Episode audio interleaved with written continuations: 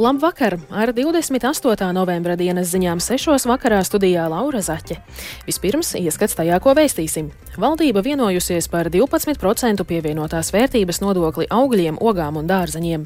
Pieauga Eiropas Savienības struktūra fondu līdzekļu izkrāpšanas gadījumu skaits. Briselē notiek NATO ārlietu ministru sanāksme. Par šiem un citiem tematiem plašāk ziņu turpinājumā.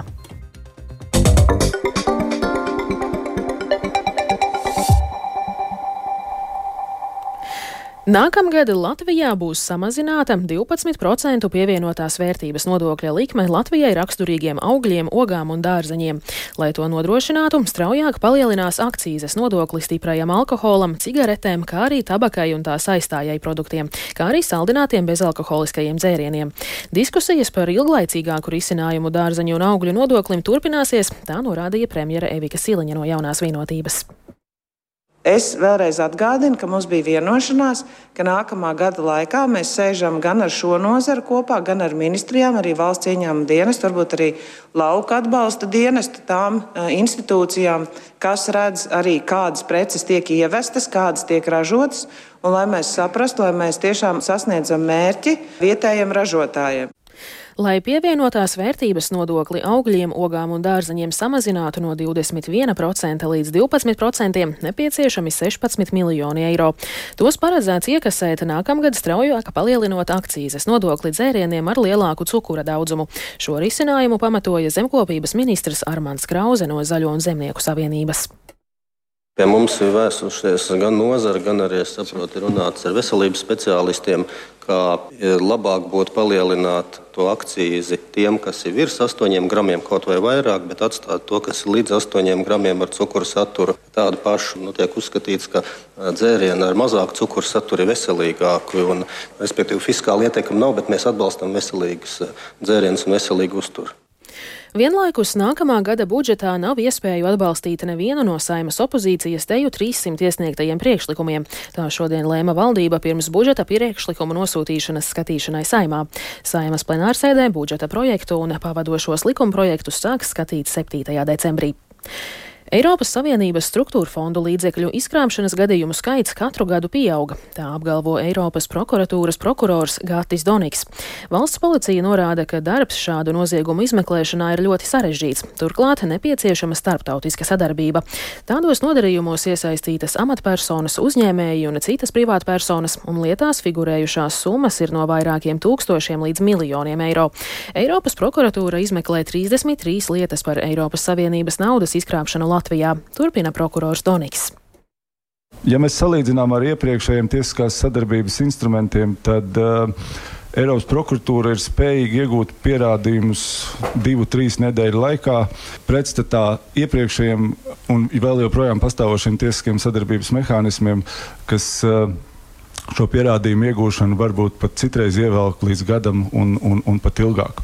Mēs bieži vien redzam, ka izkrāptā nauda, jeb noziedzīgi iegūta līdzekļi, tiek legalizēta ārvalstīs, tiek veidotas schēmas, uzņēmumu ķēdes, kā šie līdzekļi tiek legalizēti un atgriezti atpakaļ tās personas rīcībā, kas ir noziegumu bieži vien organizators un arī izpildītājs.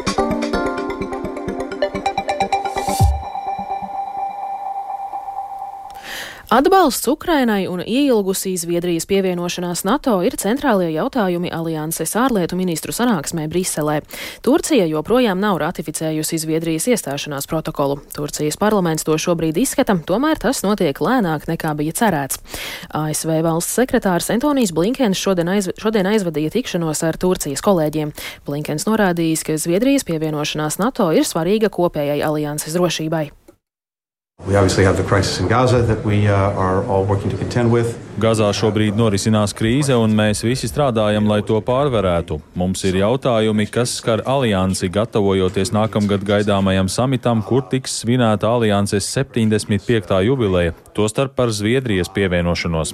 Krievija joprojām turpina uzbrukt Ukrainai. Ir arī vairāki citi jautājumi, par kuriem esmu pateicīgs, ka mums ir iespēja apmainīties ar viedokļiem. Esmu pateicīgs par sadarbību ar Turciju, kas ir ļoti svarīga un vērtīga sabiedrotāja. NATO sanāksmē Briselē piedalās arī mūsu valsts ārlietu ministrs Krišjānis Kariņš no jaunā vienotības.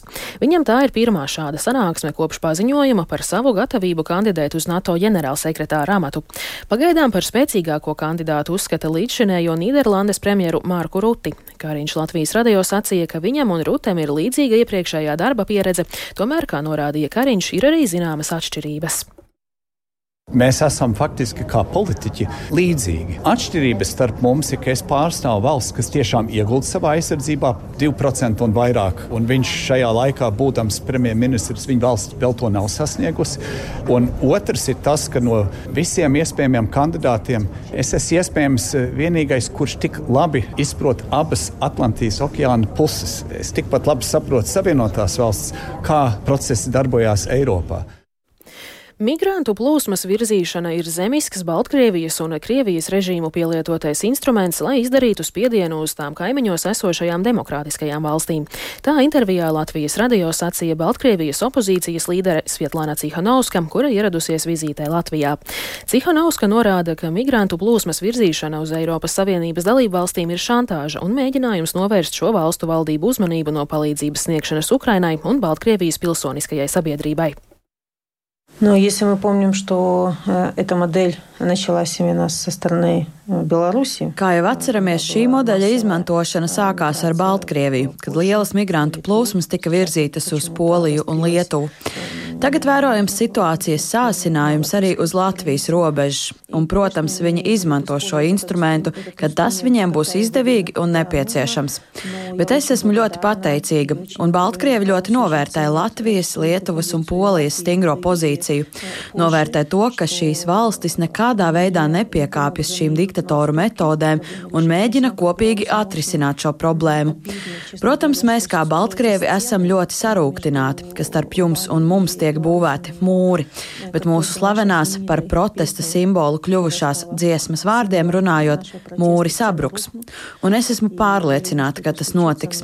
Tajā pašā laikā mums ir ļoti žēl, ka mūsu kaimiņi ir spiesti paciest diktatūru īstenotās darbības, taču mums ir jābūt kopā šajā brīdī un kopā arī jāpretojas šīm metodēm. вместе и вместе противостоять вот этим методам.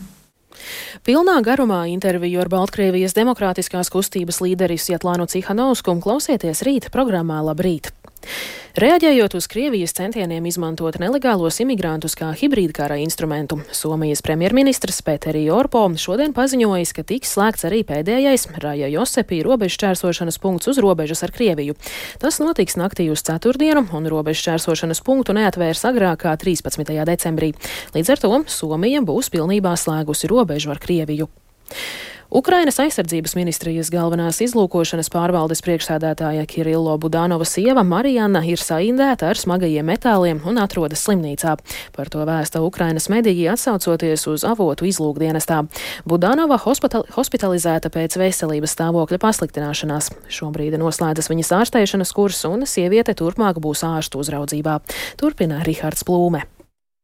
Avots vēsta, ka nav zināms, vai tā bijusi vienreizēja indēšana, vai arī galvenās izlūkošanas pārvaldes priekšsādātāja Kirilo Budanova sieva tikusi indēta ilgāku laiku.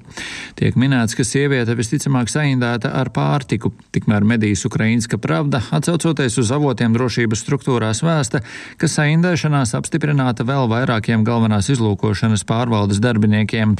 Viņi savas veselības pasliktināšanos nesot novērojuši. Divu ar pus tūkstošus gadu senas skulptūras ir izraisījušas diplomātisko strīdu starp Lielbritāniju un Grieķiju.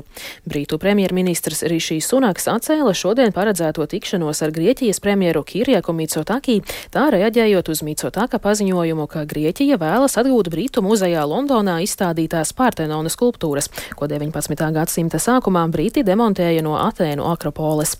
Sunaks uzstāja, ka tām ir jāpaliek Brītu muzejā. Tikmēr Grieķijas premjeras intervijā raidsabiedrībai BBC kārtējo reizi atgādināja, ka Grieķi vēlētos atgūt skulptūras.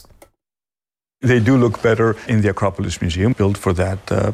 Tās vislabāk izskatītos Akropolis muzejā, kas tika celts šim nolūkam. Mēs uzskatām, ka šīs skulptūras pieder Grieķijai un ka tās būtībā tika nozaktas. Taču tas nav jautājums par īpašumtiesībām, kur jūs vislabāk varat novērtēt to, kas būtībā ir viens piemineklis. Tas būtu tas pats, kas pārgriezt Monu Līzu uz pusēm un vienu daļu novietot Luvrā, bet otru Britu muzejā. Vai jūs domājat, ka skatītāji novērtētu glāzi? Gleznas skaistumu šādā veidā. Tieši tā notika ar Pantenona skulptūrām, un tāpēc mēs turpinām strādāt pie tā, lai panāktu vienošanos, kas ļautu mums atgūt skulptūras Grieķijai un ļautu cilvēkiem tās novērtēt to sākotnējā vidē.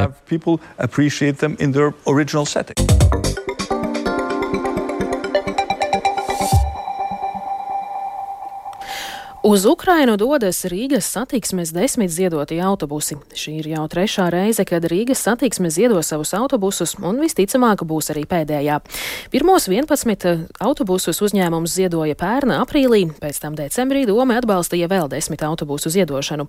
Iepriekšējās divās reizēs autobusi tika piepildīti ar 100 tonnām humanās palīdzības, un līdzīgi ir arī šoreiz.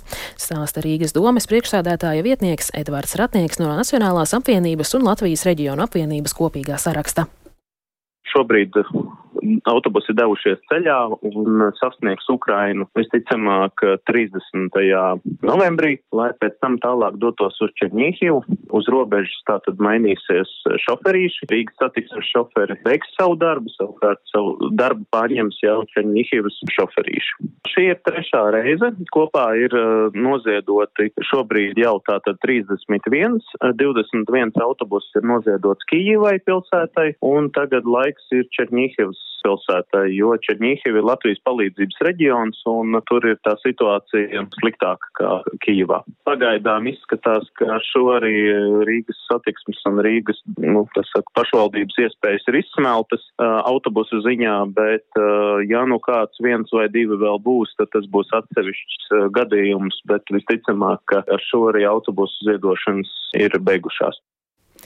No 1. februāra iebraukšana jūrmalā maksās 3 eiro līdzšinējo 2 eiro vietā, un caurlaižu režīm, režīms darbosies visu gadu, nevis tikai vasaras sezonā. Tā pavēstījusi Jūrmalas dome. Noteikumus lemts mainīt, lai jūrmalā mazinātu satiksmes intensitāti un mudinātu braucējus izmantot videi draudzīgākus transporta veidus. Deklarēto jūrmalnieku īpašumā vai turējumā esošiem transporta līdzekļiem caurlaides, tāpat kā līdz šim, būs bez maksas. Un vēl par sportu. Latvijas čempione basketbolā VF Rīga šovakar Latvijas-Igaunijas basketbola līgā viesosies Tallinā, pulksten septiņos tiekoties pret vietējo Kalevu Kramo. Abas komandas šo sezonu tiksies pirmo reizi. Par gaidāmo spēli vairāk stāsta Reinis Grunspēņķis. Pēdējo reizi VF Rīga un Tallinas Kalev Kramo savā starpā tikās pagājušās sezonas Final Four turnīra pusfinālā, kad VF izcīnīja diezgan pārliecinošu uzvaru. Šo Latvijas-Igaunijas līgas sezonu VF iesāka nevisai veiksmīgi, tiekot pie trim uzvarām sešās spēlēs. Šobrīd gan ir iekrāta piecu uzvaru sērija. VF Rīga prezidents Gatis Jahovičs portālam Sporta centrs kom atklājis, ka tiek izskatīta iespēja tuvākajā laikā komandai piesaistīt Jāni Tīmu, kurš nu pat atbrīvots no Turcijas kluba Stambulas Daruša Faka. Ar to izskan 28. novembra dienas ziņas. Producents Edgars Kupčs ierakstus montēja Krišjānis Stikāns, pieskaņu puls Katrīna Bramberga, bet studijā Laura Zaķe. Īsumā par svarīgāko. Valdība vienojusies par 12% pievienotās vērtības nodokli augļiem, ogām un dārzeņiem. Pieauga Eiropas Savienības struktūra fondu līdzekļu izkrāpšanas gadījumu skaits. Briselē notiek NATO ārlietu ministru sanāksme. Un vēl tikai par laikapstākļiem. Yeah. Gaisa temperatūra Rīgā šobrīd ir mīnus 2 grādi un pūš dienvidu vējš 3 m2. Atmosfēras spiediens 751 mm, bet relatīvais gaisa mitrums 90%. Sinoptiķi prognozē, ka šonadēļ Latviju sasniegs jauns ciklons, kas valsts lielākajā daļā izraisīs ilgstošu snikšanu, bet par laikapstākļiem turpmāk stāsta Ilze Golubeva. Trešdienas nakts vēl aizritēs ar mierīgiem laikapstākļiem. Sniks tikai vietām pūtīs lēns vējš un gaisa sadzisīs līdz mīnus 3, mīnus 9 grādiem, bet valsts austrumos, kur debesis vietām skaidrosies, pat līdz mīnus 15 grādiem. Arī turpmākajās dienās Latvijā pieturēsies sals, taču sniks krietni vairāk. Jau rīt dienā mūsu teritorija sasniegs plaša nokrišņu zonu un snikšana turpināsies līdz pat ceturtdienai. Šajās dienās daudz viet Latvijā sniega segas biezums palielināsies par 10 līdz 15 cm centimetriem. Brīžiem putinās un autovadītājiem jārēķinās, ka braukšanas apstākļi būs krietni sarežģītāki.